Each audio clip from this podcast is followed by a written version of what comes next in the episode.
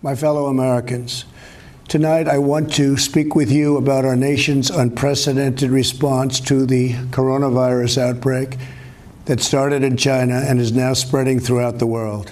It's morning again in America. Good morning, folks. Please, please.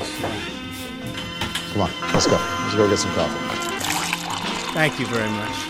Det er torsdag 12. mars. Det er seks dager igjen til primærvalgene i Arizona, Florida, Illinois og Ohio, og morgenkaffen er servert. Klokken to i natt så holdt eh, president Donald Trump en tale fra det ovale kontor i Det hvite hus. Han kunngjorde at USA nå stanser innreise fra Europa de neste 30 dagene. After consulting with our top government health professionals, I have decided to take several strong but necessary actions to protect the health and well being of all Americans. To keep new cases from entering our shores, we will be suspending all travel from Europe to the United States for the next 30 days. The new rules will go into effect Friday at midnight. These restrictions will be adjusted subject to conditions on the ground. There will be exemptions for Americans who have undergone appropriate screenings Dette skjedde altså i natt, og vi kommer tilbake med ytterligere detaljer, ettersom det allerede hersker en del usikkerhet rundt unntak og konsekvenser.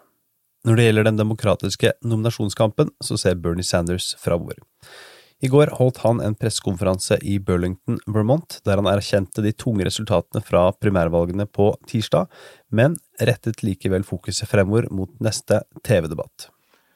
What became even more apparent yesterday is that while we are currently losing the delegate count, approximately 800 delegates for Joe Biden and 660 for us, we are strongly winning in two enormously important areas which will determine the future of our country.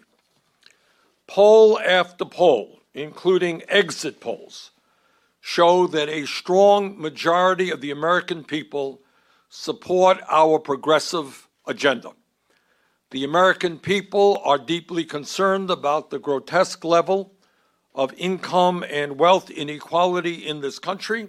Joe Biden er jo den som ser ut til å vinne nominasjonen, og mer enn to dusin kvinnelige ledere i amerikanske organisasjoner skriver i et brev til Demokratenes nasjonale komité at de krever en kvinne som visepresidentkandidat i november, ifølge Politico. Brevet argumenterer for at det vil kreve en rekordstor mobilisering av kvinnelige velgere for å slå Donald Trump, og de mener at valget av kandidatenes eh, visepresidentkandidat vil være svært viktig. James Clyburn har også ytret seg i denne diskusjonen og ønsker at Joe Biden velger en afroamerikansk kvinne som sin visepresidentkandidat dersom han skulle vinne nominasjonen. Og Clyburn var jo en meget viktig støttespiller for Biden i South Carolina, som bidro til å snu opp ned på denne nominasjonskampen. Dagens utgave av Morgenkaffen er servert av Henrik Skotte og undertegnede Are Tolleflaten. Du abonnerer og gå til ampol.no kaffen.